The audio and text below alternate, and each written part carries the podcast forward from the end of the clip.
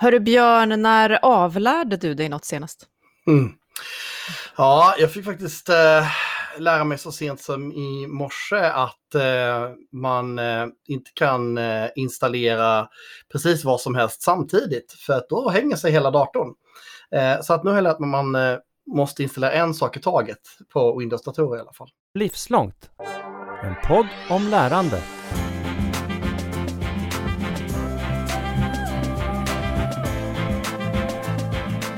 Försöker också komma på, jag tänker ju oftare på det nya jag lär mig än på det jag behöver omvärdera eller lära av, intressant nog. Men jag, inte, jag tror inte jag är ensam om det, eller hur? Det där är väl ganska vanligt för oss att tänka så.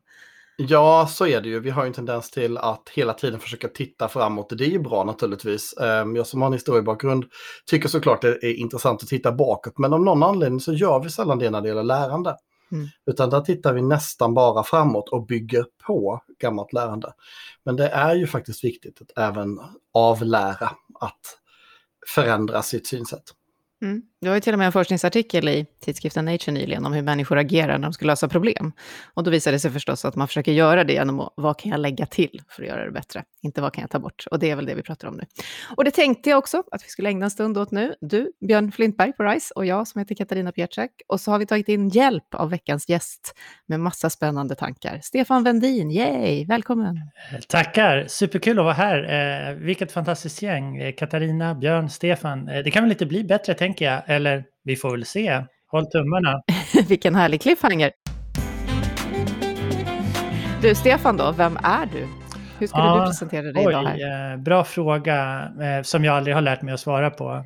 Eh, jag brukar säga att jag är väl den där lilla buspojken. Den har väl aldrig riktigt vuxit upp. Så jag jobbar på ett amerikanskt databasföretag som har hittat på en ny struktur där jag hjälper kunder att applicera den kunskapen eh, och äntra kanske ett nytt paradigm. Som ni märker så kommer det bli lite svengelska, men jag hoppas att det funkar. Eh, jag har en ganska brokig bakgrund eh, med allt från eh, eh restaurering av kyrkor eh, till eh, kommunikation till eh, en musikkarriär som inte är helt dålig den heller, men den ska vi låta få vara i det här samtalet. Så någonstans nu så jobbar jag väl med att sätta ihop saker, vilket egentligen det jag har jobbat med hela tiden. Så historien kanske knyter sig tillbaka till den där gången när jag som 16-åring jobbade en hel sommar och köpte en Akai S950 Sampler, ett musikinstrument utan ljud. Då är ju helt plötsligt allt ljud och allt är också inte ljud. Det vill säga, det finns inga skrivna regler, det är bara att köra på. Och jag tror där någonstans sattes väl grunden för hela mitt lärande och förhållande till avlärande. Någonting eh, jag faktiskt tidigt eh, tvingades in av en slump eller ja, nyfikenhet kanske. Och det ska vi verkligen komma tillbaka till. Men det här amerikanska bolaget då, kan du förklara vad du sysslar med? Det finns ett ord där som är ett sånt här buzzword som kanske folk tycker att de förstår. Innovation finns med. Men berätta, vad, vad är det ni gör och vad är det du gör där? Och vilka är ni? Ja, eh, företaget heter Neo4j, eh, faktiskt grundat av eh, några svenskar i Sverige, men för tio år sedan så beslutade man sig att det var ganska svårt att skapa en ny datastruktur eh, och bygga det utifrån Sverige. Så då flyttade man bolaget till Silicon Valley, så som Eh, man gör, för det är ju det man gör. Eh, nu har vi då flyttat hem väldigt mycket också hit eh, till Sverige, ett stort kontor. Största ligger väl i Malmö i Europa. Så det Neo4j gör är väl eh, kanske en sak som de flesta tror att data faktiskt fungerar. Eh, så vi tänker ju ofta att data ser ut som i filmer. Eh, du vet, eh, någonting är sammankopplat till någonting som är sammankopplat till någonting. Men de flesta datastrukturer ser ut precis som eh, Excel. Mm. Det vill säga ändlösa rader av tabeller och kolumner med datapunkter som absolut inte är sammankopplade. Och så fort du ska koppla då de här olika typer av dokumenten då, eller man ska säga, en relationsdatabas, så behöver du någonstans göra massa joins, det vill säga kopplingar mellan då eh, saker. Så du får eh, liksom ett dilemma att desto mer komplexa saker du vill göra, desto mer saker som förändrar sig, desto jobbigare blir det. Eh, och det är ju inte undligt då att vi skapar idéer baserat på det här tabulära tänkandet, det vill säga inom marknadsföring så vet väl alla att vi har målgrupper och personas och så vidare och så vidare. Vi stoppar folk i lådor för lådor är ju jättebra att förvara saker i. Problemet är att verkligheten ofta inte är lådor. Mm. Eh, så det vi gjorde var att skapa en grafdatabas och en grafdatabas eh, kommer ju då från grafteori en matematisk struktur att modellera hur saker förhåller sig till varandra. Och fördelen med den är att det är redan sammankopplat, så du kan bara springa eller traversera i grafen, springa, springa i skogen mellan olika träd. Vad används den där för? Vad, vad är liksom främst användningsområdena för den typen av databaser? Det kändaste use caset är väl inom finanssektorn eh, när vi hjälpte ICIJ eh, och lösa eh, Panama Papers, det vill säga spåra då komplexa mönster där man flyttar pengar i cirklar för att slippa betala skatt egentligen. Eh, något som sen ledde till Pulitzer Prize eh, och så vidare. Stort medieavslöjande. Mm. Ja, riktigt stort. Eh, eh, väldigt bra också tycker jag att faktiskt påvisa de här sakerna. Eh, I det så blev det ju Pacific Papers och massa andra och nu senast FinCEN Files där vi tittar på amerikanska makthavare och deras inblandning eh, i sådana här saker. helt plötsligt visar det sig att det är väldigt mycket folk med fingrarna i syltburken. Så en av de största områdena är ju då finansiell sektor med pengatvätt och bedrägerier och utredningar såklart. Alla har väl sett en detektivserie när man har de här röda linjerna hur någonting kopplar sig. Uppenbart en grafrajt. Eh, men i det så finns det ju sådana här saker överallt. En av mina favoritsaker är ju till exempel beteendeprediktion. När vi slutar att bedöma människor eh, utifrån hur, eh, hur de ser ut och därför försöka sälja dem saker, utan snarare titta på deras agerande och kontexten, var det agerandet befinner sig och på så sätt kan faktiskt hjälpa folk istället för att lura på dem massa skit de inte behöver.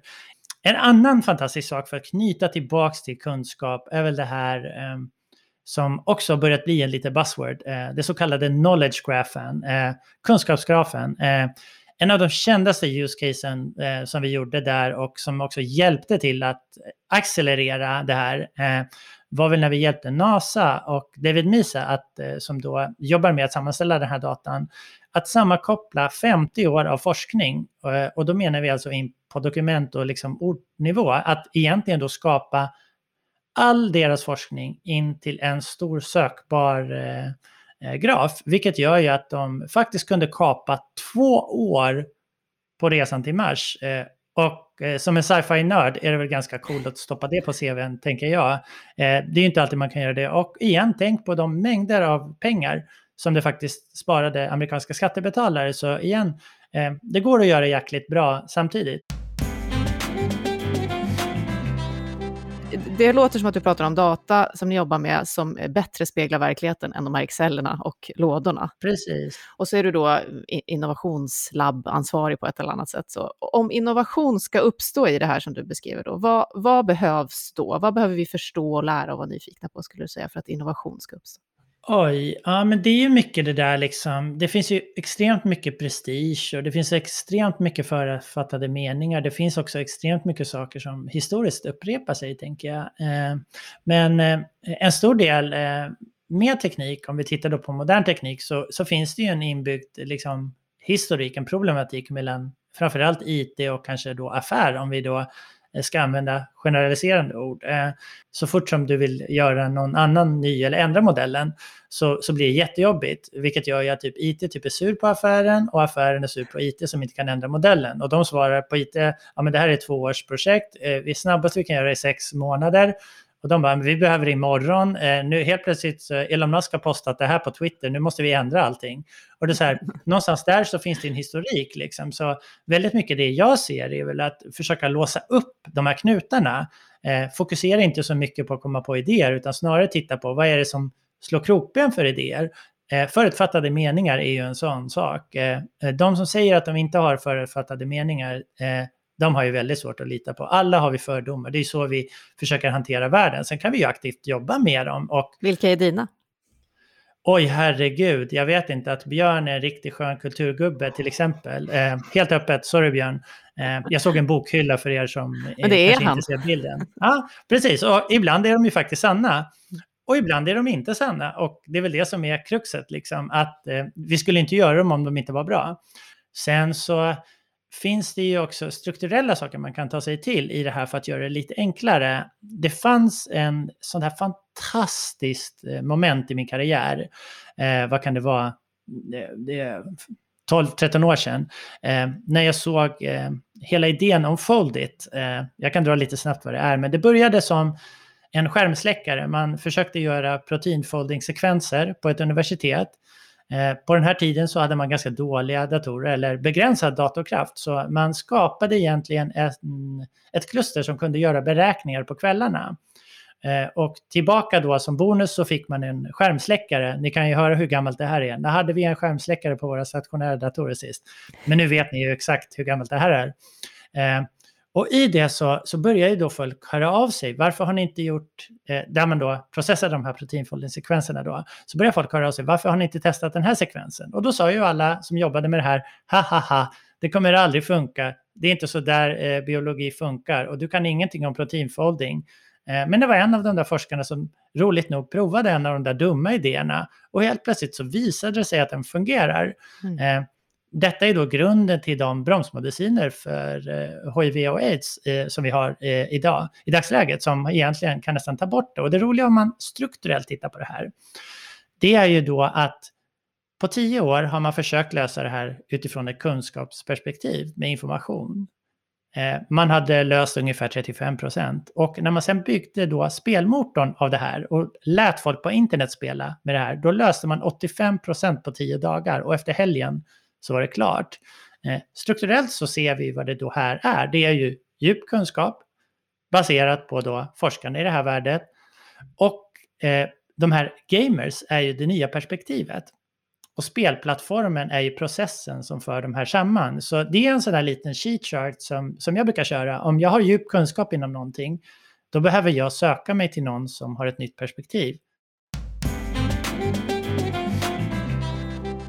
Björn, du är ju inte bara att du också är spelnörd, apropå det här, utan du också vet jag att du kallar dig ibland för just mellanrumsledare, när Stefan nu nämner IT och affärsutveckling och så. Mm. Vad tänker du när du hör det här?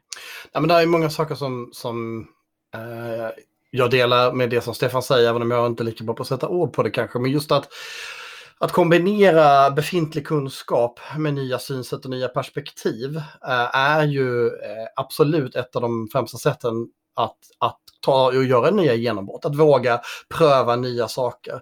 Eh, det, ehm, och, och, det brukar jag hävda att min bakgrund som, som spelnörd och rollspelsnörd och så vidare, att man lär sig sätta sig in i olika perspektiv, gör ju att man har lättare att lösa komplexa problem. Eh, därför att vi har en, en, en, bias mot att göra, vi vill göra samma sak på samma sätt. Vi, vi, vi hittar våra rutiner, vi hittar våra vanor och det är tryggt och det är fint. Men vi behöver ett visst mått av kaos och ett visst mått av osäkerhet för att våga pröva nya saker. Det är när det börjar gunga som vi söker nya vägar. Det är när vi inte kommer längre fram som vi gör det där.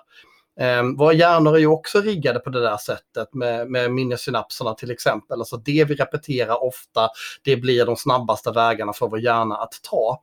Och inte förrän det händer någonting som har en stor emotionell impact på oss så börjar vi tänka i nya banor för då, då, får vi en rejäl biodusch i våra synapser som gör att vi söker oss nya vägar.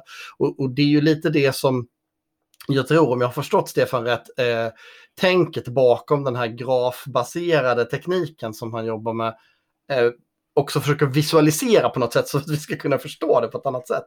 Och det ger ju en annan bild än när man har bara tabeller, för det våra liv är inte riktigt så inrutade som vi vill tro. Så jag, tror, jag tror att det finns en otroligt viktig del i det här som, som Stefan är inne på, just att, att att om du vill hitta innovation, då måste du också kombinera den befintliga kunskapen med oväntade och nya element och perspektiv. För att göra genombrott på olika sätt. Och känslor låter det som då, om det behövs en emotionellt stark dusch. Ja, i alla fall någonting som skapar en, en, en ögonblicks aha-upplevelse. Och det kan handla om att för att man ska våga ta den där nya vägen, att våga göra det där lite oväntade och lite crazy och pröva någonting helt nytt. Eh, det var ju många, men vi kan ta en, om vi tar något som är väldigt välkänt, det är ju många som dissade Wikipedia hur länge som helst, så att det finns ingen möjlighet att det ska gå att samla kunskap på det viset. Det kommer att bli mm. väldigt lite och väldigt osäkert och inte alls troligt. Men jag menar, man gör ju mätningar på det där ganska regelbundet och Wikipedia har ju bara, både mer omfattande och är ju inte alls egentligen särskilt mycket mer osäkert än en hel del andra uppslagsverk. Hörde nu nyligen att det har blivit en godkänd, eller det börjar talas om att det är en godkänd eh, källhänvisning på universitetet. Och då har man ju kommit långt, för det är ju länge, i grundskolan har de inte kommit dit än, men på universitetet. Mm. Eh, jag tänker en sak med det där med Wikipedia, det är ju också historiskt hur, hur vi också tenderar att upprepa de där exemplen. Eh, det är väl någonting som, som jag fascinerats extremt mycket av. Eh, för vi gör exakt det där misstaget hela tiden. Så fort vi har en ny typ av Eh, teknik eller eh, informationsplattformar kan vi väl ta som ett exempel eftersom vi hade Wikipedia. Eh, jag vet inte, jag spenderar ganska mycket tid att titta tillbaka i tiden. Hur långt kunde jag faktiskt hitta exempel på det här? Och jag har ju två favoritexempel som jag tycker är helt underbara. Det äldsta jag kunde hitta är 370 år före då Kristus. Eh, en diskussion mellan Sokrates och Platon om hur då pergamentrullen och det skrivna ordet skulle förstöra våra minnen och vi inte skulle minnas någonting och människan skulle bli fördummad och dö. Eh, det är ju helt fantastiskt. Och sen så har vi ju då, om vi snabbspolar till 1600-talet, eh, Gottfried William Leibniz, en fantastiskt, vad säger man, supergeni kan man faktiskt nog säga. Eh, matematiker i grund och botten eh, som när han skrev sin 20-åriga avhandling på 1600-talet skrev egentligen ett grundkoncept då om AI och en maskin som kan tänka med logiska tankar förhållande till varandra, vilket är helt sjukt. Eh, att man kan komma på det på 1600-talet, men samtidigt freaka ut totalt över att tryckpressen kom. Alltså det är helt sjukt. Det finns ett fantastiskt citat med honom när han då går lös på liksom hur dåligt det här med tryckpressen är. Det kommer då skapa att inga andra smarta människor kommer någonsin mer skriva en enda sak. Eh, det som kommer hända är att det är bara skit som skrivs eh, och alla kommer återgå till att börja hugga ner varandra och bete sig som barbarer. Eh, mm. Det är ju exakt samma sak som med andra ord, eller dåtidens ord, samma sak som Björn tog upp här med Wikipedia. Och jag tycker det är fascinerande och hur svårt det är för oss att bryta det där och hur ofta vi hamnar där. Eh, jag vet inte, jag kan ju bara blotta mig själv. Eh, när Facebook kom, det är ju jätteroligt liksom. Eh, jag hade en flickvän som då pluggade på ett amerikansk skola, vilket då hade tillgång till Facebook som inte jag hade. Jag sa ju såklart, även om jag jobbar med det här, Facebook är jättedåligt, det kommer aldrig bli någonting, det är bara skit. Och vad handlade det om då? Jo, för det det handlade om var ju att jag var svartsjuk jag visste ju att hon kunde snacka med alla andra där och alla ville ju ha den där svenska tjejen som pluggade på det där universitetet. Och helt plötsligt så fickade jag ut och istället för att erkänna att det gjorde ont, på tal om då de här emotionella liksom, rollercoasters, istället för att våga erkänna att så här, nej men jag kanske blir lämnad, jag är ju jätterädd, jag vill inte vara ensam här borta, jag känner mig redan ensam när jag sitter i ett annat land. Eh, så skyllde jag allting på tekniken och det praktiska med det var att jag behövde inte ändra Eh, hur jag förhöll mig till mina egna problem, mina egna relationsproblematik som kommer med något slags anknytningsmönster. Eh, först flera år efteråt när jag faktiskt tog tag i det här, men det är en helt annan sak. Men... Det kan du komma tillbaka och berätta om någon gång. Men du, om vi spolar fram till idag, eftersom du nu nämnde AI, och det ni gör på ditt jobb bygger ju på både AI och så kallad design thinking, det kanske vi hinner säga något ord om också. Men idag så pratar vi ju då när vi nu pratar om det här med historien och att den inte lär oss, eller att vi inte lär oss tillräckligt mycket av den. De här skräcktankarna finns ju idag om AI till exempel. Eh, mm. Hur tänker du om det och vad är det som gör att vi inte lär mer av historien?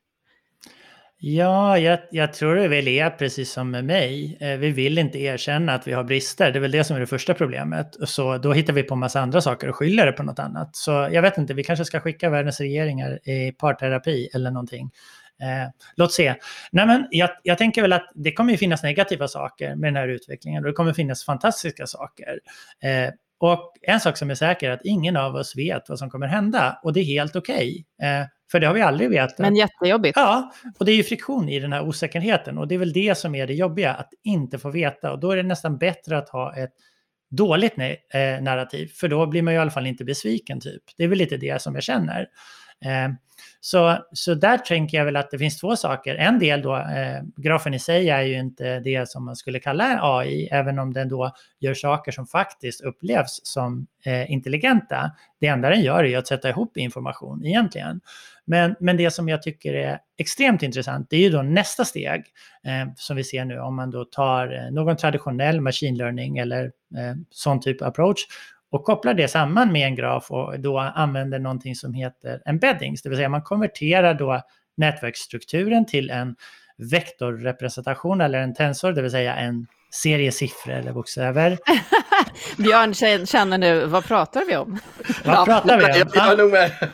Nej, men det, det, det, man kan göra är ju då att ta det bästa av en tabellär självlärande struktur och sen det bästa av en kontextuell struktur som en nätverksstruktur och sen sätta samman dem och helt plötsligt så har vi ju en självlärande system som kan förhålla sig till kontext, det vill säga ungefär så som vår hjärna gör och där har vi inte varit innan. Och det har ju varit det som har varit lite skrämmande för att helt plötsligt så har vi pratat om lärande på ett sätt som maskinerna lär sig på som är väldigt långt ifrån hur en människa förhåller sig till. Och det är då det är svårt att också för, för människor som inte är insatta att förstå. Då är det så här, ja men ska det bli Terminator nu eller vad, är, är, det, är det Skynet eller vad är det som händer? Eller nej, men de kan ju inte ens eh, ha en chattbot på Microsoft utan att den blev nazist. Ja, eh, och så är man i den här liksom paradoxala verkligheten att så här, å ena sidan så gör det det, å andra sidan så kan den inte ens göra det. Eh, och där tror jag att det blir liksom det blir svårt att förhålla sig. Så desto enklare och desto tydligare det blir att förhålla sig till det hela, desto lättare blir det också. Så i och med att det nu blir smartare så tror jag att det faktiskt blir också enklare att se värdet av det. Eh, och väldigt ofta så ersätts ju jobb med saker som, som ändå ingen vill göra. Eh, eh, som är jättetråkiga, så här, läsa igenom en miljard kontrakt och leta fel, det är ju inte jättekul. Alltså det kan ju en maskin göra idag på en millisekund, någonting som tog ett kvartal för en avdelning att göra.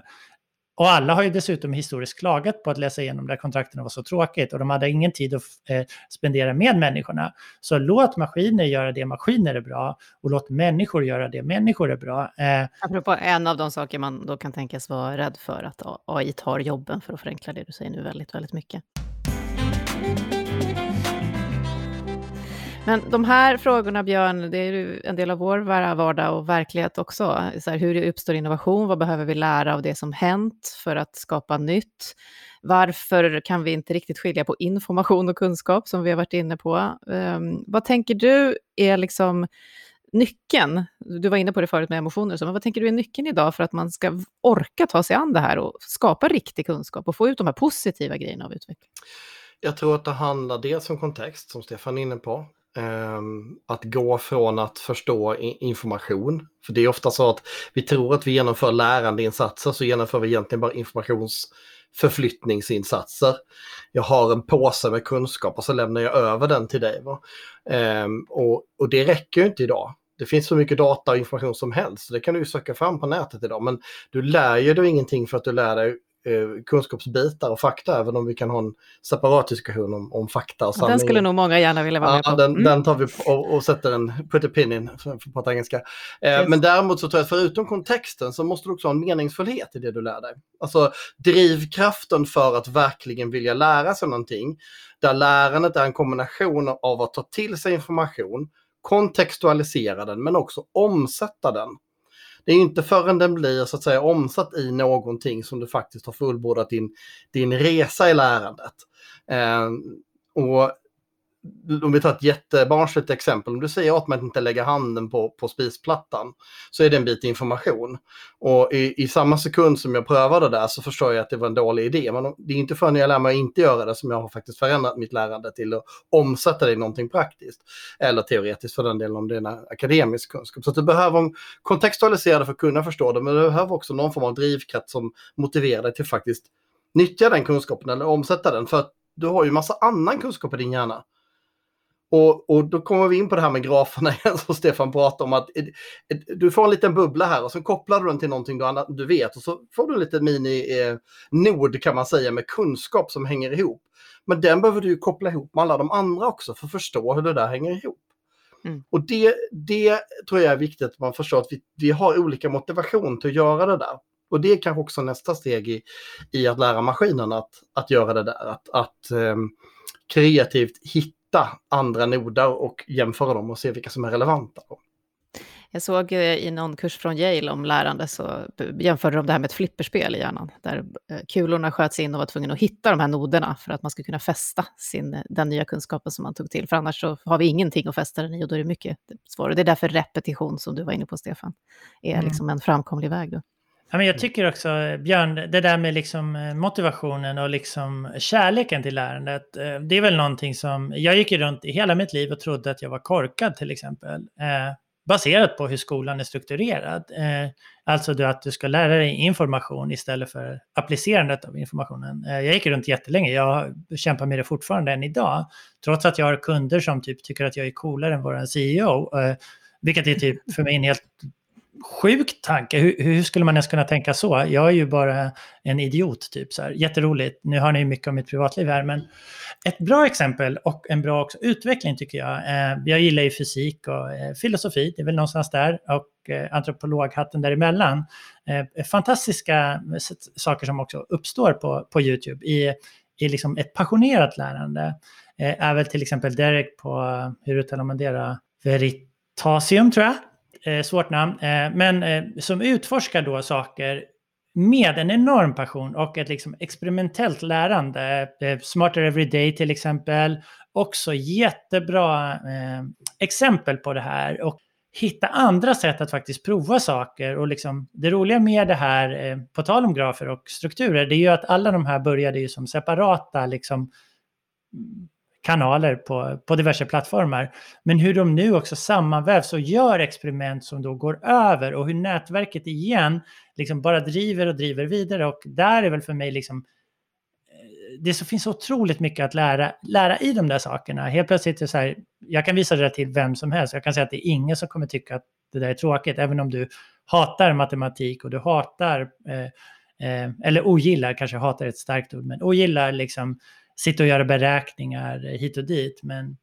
så, så det tror jag att eh, det finns ju också mycket passion i det där och det är väl det som också gör det att det blir en process, ett livslångt lärande istället för att då den traditionella strukturen där vi ska lära oss information, där vi istället förlorar eh, hur vi applicerar det. Inte helt okänt eh, projekt jag har gjort med ett stort universitet eh, på en fysikenhet där vi faktiskt kunde bevisa att studenterna var sämre på att lösa fysiska utmaningar eh, i slutet eh, när de doktorerade än när de började. Men jättebra exempel. Men tillbaka, passion, superviktigt, eh, fantastiskt. Och i strukturen, processen, där, där finns ju passionen också. Mm. För allting går ju nästan att göra roligt. Eh. Jag tänker att vi ska testa en kul grej på dig, för jag är säker på att du kommer disrupta eller oh utmana hela formatet som vi leker lite. Det här blir kul. Vi kallar det för sju snabba och en filosofisk. Och tanken är då att de sju första, det är snabba svar, Stefan. Oj, redan här kommer jag ju misslyckas. Det, det hör vi ju redan som jag snackar. Björn, kan du avbryta mig lite? Katarina är för snäll. Absolut. vi testar, vi testar. Eh, det är antingen eller du ska välja. Målstyrt eller utforskande? Eh, utforskande. Hade förvånat mig annars. Mätbart eller svävande? Eh, mätbart faktiskt. Mm, för att? Eh, jag vet inte om man inte kan eh, eh quantify, eh, vad heter det på svenska då? Eh, så blir det väldigt svårt att kvantifiera. kvantifiera och se att mm. det faktiskt funkar. Så jag gillar ju att sväva i tanken, men så fort jag gör projekt så är jag nitisk med mätbarheten. För om jag inte vet vad jag mäter så, så vet jag inte heller om jag har lyckats. Eh, sen så får man ju vara öppen att mäta om och tänka om väldigt ofta och kasta de där sakerna i soporna. För det visade sig att det jag trodde jag gjorde i min hypotes var ju absolut inte sann, utan jag gjorde ju någonting helt annat ofta. Så att, eh, men eh, där tar jag mätbarhet. Nu fnittrar Björn för att det här är en liten beef vi håller på med. Vad mm. går att mäta och på vilket sätt? Så att du vet var fnittret kommer. Ja, perfekt. Mm. Ja, mätbart var det. Teori eller praktik? Oj, praktik 100%. Älskar praktik. Eh, allt är ju perfekt i teorin. Alla mina tankar är helt underbart perfekta i teorin. Och så ställer jag mig där och så ser ju verkligen helt annorlunda ut. Eh, så 100% praktik. Eh, så kan man ju gå och filosofera däremellan, men absolut. Mm. Förnuft i fokus eller i kombination med känsla?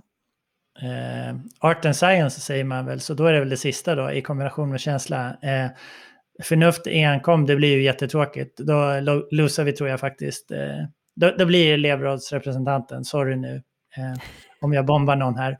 Men eh, jag vet inte, det, det blir liksom lillduktig, jag vet inte. Känslan är ju där, vi är människor. Tappa passionen som du pratade om kanske? Ja. Mm. Okej, okay, minnas eller söka upp? Ja, vad jag ska jobba på eller vad jag är bra på. ja, du väljer. Jag väljer? Uh, ja, men jag har väl ett, uh, ett extremt sökande. Jag är väldigt uh, riskbenägen tror jag man skulle säga. Uh, så det jag jobbar med är väl faktiskt just att minnas och våga stanna kvar i saker rent personligt. Så både och då. Nu har jag förstört formatet igen. Det, Men det visste jag att du skulle. Jajamän. Okej, två kvar. Plugga kurser eller lära sig av livet? Oj, igen, det här är en paradox. Eh, lära sig av livet eh, i form av kurser som, som, som är bra, inte liksom, jag vet inte. Alla, de flesta lärplattformarna är svåra tycker jag. Eh, det blir inte så kul, utan ofta så tar jag in informationen och sen går jag och applicerar den. Tillbaka till den där samplerhistorien. Så. Mm. Mm, det är något vi kämpar med, alla de där plattformarna och hur man kan göra det där för att det inte ska vara så. Eh, mm. Eller för att det ska skapa mer mening helt enkelt. Okej, sista av dem. Instruktioner eller tänka ut själv? Oj, eh, ja, jag önskar ju att jag kunde säga att jag så här vid 47 års ålder är mogen nog att läsa instruktioner. Eh, men det händer ju sällan. Eh, väldigt ofta så, så tar jag lite instruktion och sen så provar jag lite och sen applicerar jag det med egentligen instruktioner i mitt huvud sen tidigare, så teoretisk och praktisk kunskap eh, någonstans. Eh. Så igen, ja, du ser hur det går. Desto mer utrymme du ger, desto mer förstör jag formatet. Eh, det, blir, ja. det, blir, det blir inga falska dilemman här. Det, är, det intressanta med det här är ju inte att du ska följa formatet, men det har du förstås redan räknat ut. Ja, och så filosofiskt då, vi har redan varit inne lite grann, men om vi återvänder till Sokrates, och sen har jag tänkt en del på, du och jag har ju jobbat tillsammans, Stefan, en del med vuxnas mm. lärande och att försöka hjälpa människor att just bryta de här gamla mönstren som vi har pratat mm. om och tänka nytt. Oftast har uppdraget varit så, de behöver lära sig tänka nytt, utveckla en affär eller bli digitala, är inte en ovanlig beställning.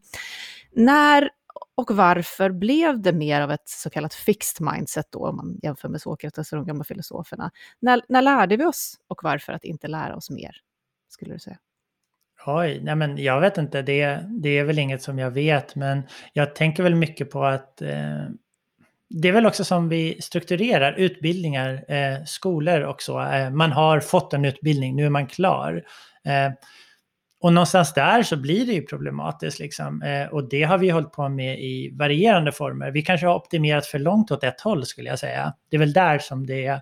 Eh, om man tittar tillbaka så hade vi, eh, om vi tittar på hantverkaryrken så hade vi ju cellbrev eh, som du behöver väl då jobba x antal timmar för att ens få göra eller få, få och sen så efter det så får du väl jobba fem år till och sen så kan du ansöka om att få ett mästerbrev så du kan också ha andra gesäller och så vidare.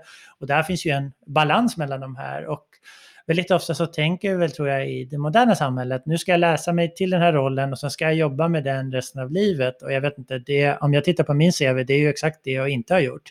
Eh, jag tror att hela min karriär tills för ungefär tre år sedan har jag fått skit för det. Alltså herregud. Så kallad hoppjerka som man hur, sa. Hur ser det ut? Kan det inte vara still det minsta? Eh, du borde lyssnat på din syo-konsult. Och jag skulle säga så här, om jag hade gjort det så hade jag varit arbetslös idag. Eh, nu har jag ett drömjobb. Jag jobbar med fantastisk teknik med underbara människor. Eh, jag får på arbetstid sitta och göra det här med er, vilket bara en sån sak, wow. Så att jag vet inte. Jag delar det med dig. Min syo-konsulent var väldigt upprörd att jag inte valde naturprogrammet på gymnasiet, utan envisades med att gå något så flummigt som musik. Mm. Perfekt. Nej, men jag, tror, jag tror det är väl som med allting, det är väl den här optimeringen åt något håll. Och så länge verkligheten är sann så fungerar det att optimera. Men sen så händer det någonting, det kan vara en pandemi, det kan vara teknik, eh, det kan vara något som skriver om reglerna helt plötsligt. Och helt plötsligt så åker ju all den där optimeringen rakt ner i soporna. Eh, och så står man där, det går inte att optimera längre, vi måste göra något annat. Och då är nästan alltid man har byggt upp, då har man liksom trampat ner för att återknyta till vad Björn sa, de här eh, neuropath eller liksom gångarna i hjärnan. Man har liksom trampat upp dem där så extremt hårt att det är nästan omöjligt att eh, eh hitta ens nya vägar. Gräset är för högt, man har klippt en gång mitt i allting och man, man ser inte vad som finns i det andra. Så vad borde vi, om vi ska knyta ihop det här nu eh, framåt, för att bryta de här olika sakerna som leder oss fel eller inte till det vi vill? Vad behöver vi, eh, frågan är till er båda två, vad, vad, skulle vi behöva sluta göra, apropå det vi började med, att vi hellre lägger till? Och kanske finns det också saker vi behöver börja med. Vill du köra Björn? Eller ska jag snacka? Ah, men jag kan, jag kan köra en grej. jag tänker så här att så fort vi ska lösa nya problem så ska vi sluta göra saker som vi alltid har gjort. Dem. Vi ska tvinga oss själva att, att ta oss in i helt nya kontexter. Jag brukar ge rådet till exempel när jag pratar, jag pratar en del med olika industriföreträdare, alltså näringslivsmänniskor som sitter så vi har problem med jag kan ta ett konkret exempel, problem med att rekrytera folk. Vi behöver massor med folk till industrin som växer. Växer fram en ny industri. Eh, och då säger men har ni pratat med dataspelsbranschen? Men vi håller ju på med tung industri. Varför ska vi prata med dataspelsbranschen? Jo, för att de rekryterar ju tusentals människor hela tiden. Uppenbarligen väldigt framgångsrikt och plockar in folk från andra länder. Vad har de för knep? Vad kan de lära er? Och vad kan ni lära dem om hur man jobbar med att bevara sina anställda och jobba med fortbildningsfrågor? Så att, att bara genom att byta perspektiv och sluta göra som ni alltid har gjort. Så får jag ge ett råd när det gäller att avlära sig att, att om ni fastnat i ett problem, försök göra någonting helt annorlunda. Byt perspektiv totalt. Stefan? Mm. Ja, men superbra. Jag tänker, jag bygger på lite på Björn. Eh, det som jag tänker det är ofta att man försöker lösa det som är det akuta problemet, men inte kanske förstå att det ligger både underliggande strukturer där bakom i form av känslor. Eh, vi är ju extremt lata som människor, så jag brukar säga eh, vi är, vi är snåla och lata, det är fantastiska drivkrafter. Förstå dem istället. Titta på, titta på de sakerna och titta på hur kan vi liksom lösa latheten, eller snålheten i det här fallet. Då brukar man få med de flesta och sen så märker de att det var nog ganska kul att göra gott ändå och så vidare.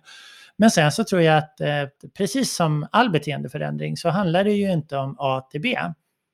Det handlar ju om hela alfabetet och vem vet, kanske är det ett japanskt alfabet och ett romerskt och det är lite blandat i den där.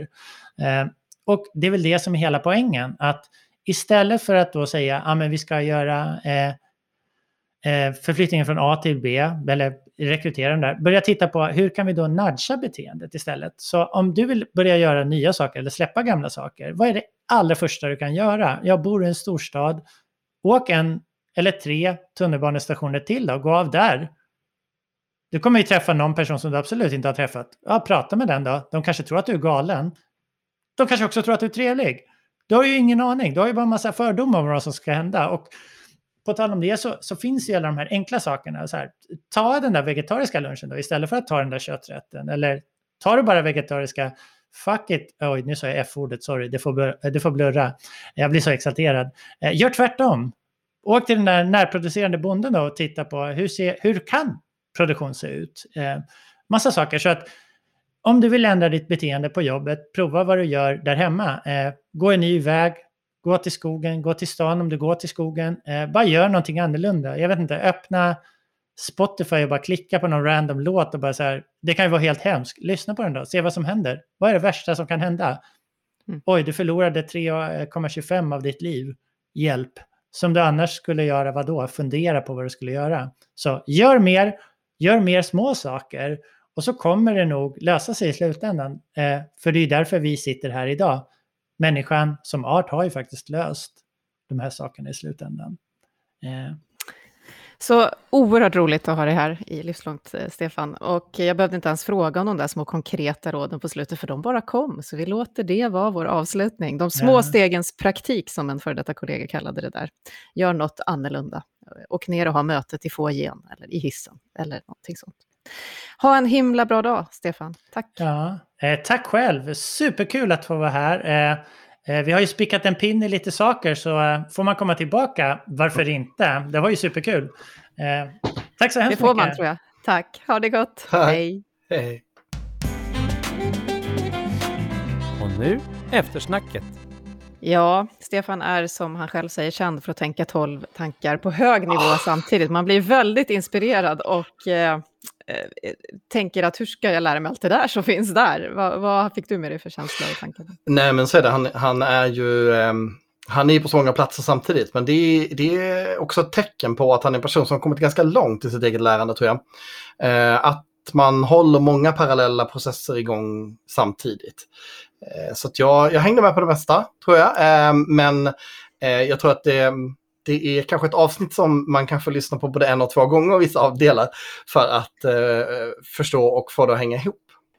Ehm, jag tycker att eh, det var väldigt spännande att lyssna på det här som handlar om avlärande. Jag tror till och med att det är ett ord som kanske är obekvämt för en del människor, apropå att vi har då bestämt oss för att vi, vi går någon utbildning och vi lär oss någonting och sen har vi en kunskap för att vi har fått information. Ska vi då lära av den? Jag tänker att det där inte är något som är helt bekvämt för alla.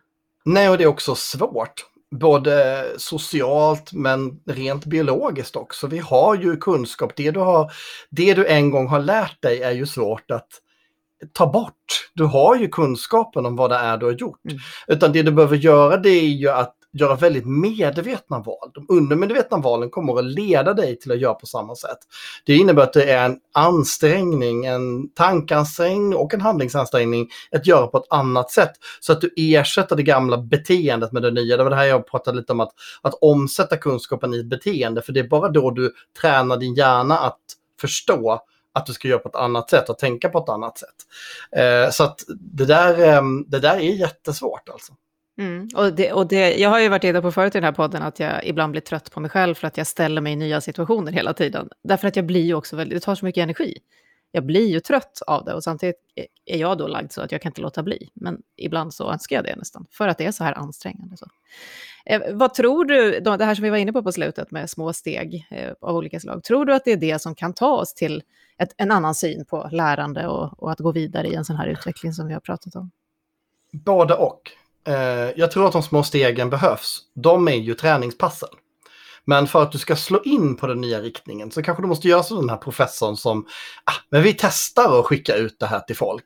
Och, och då kan det vara en enskild stark händelse. Det kan vara en gå på en helt annan konferens än vad du hade tänkt dig. Eller lär dig någonting helt nytt. Eller kontakta någon i en helt annan bransch. Eller vad det nu är beroende på var du befinner dig i din situation.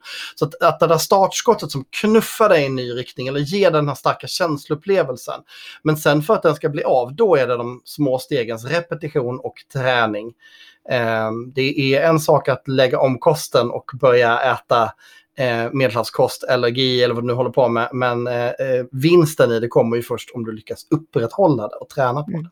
Mm. Och där är du på den här knuten som vi är så många som har jobbat med, att man skapar en, en utbildning eller en eh, kunskapshöjande insats eller en lärinsats. Och så är det en stark upplevelse och alla är väldigt glada över den. Och sen så går de hem och gör som de alltid har gjort.